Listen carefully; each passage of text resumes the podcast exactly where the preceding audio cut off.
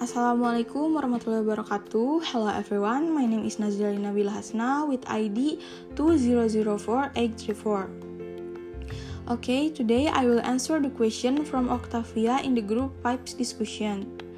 The question is, what if there is a group whose environment is already very negative?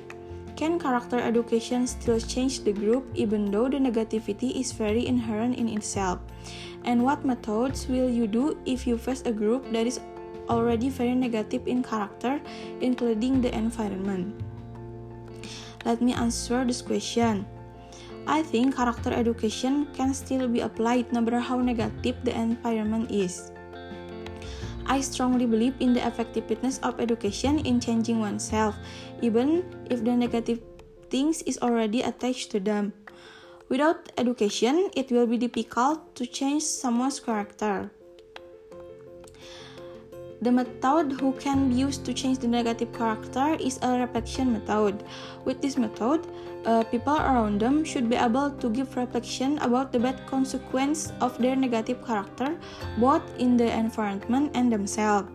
With this, I believe that people of bad character will make the thought they correlate with their lives, so they have to desire to change for the sake of their lives as well.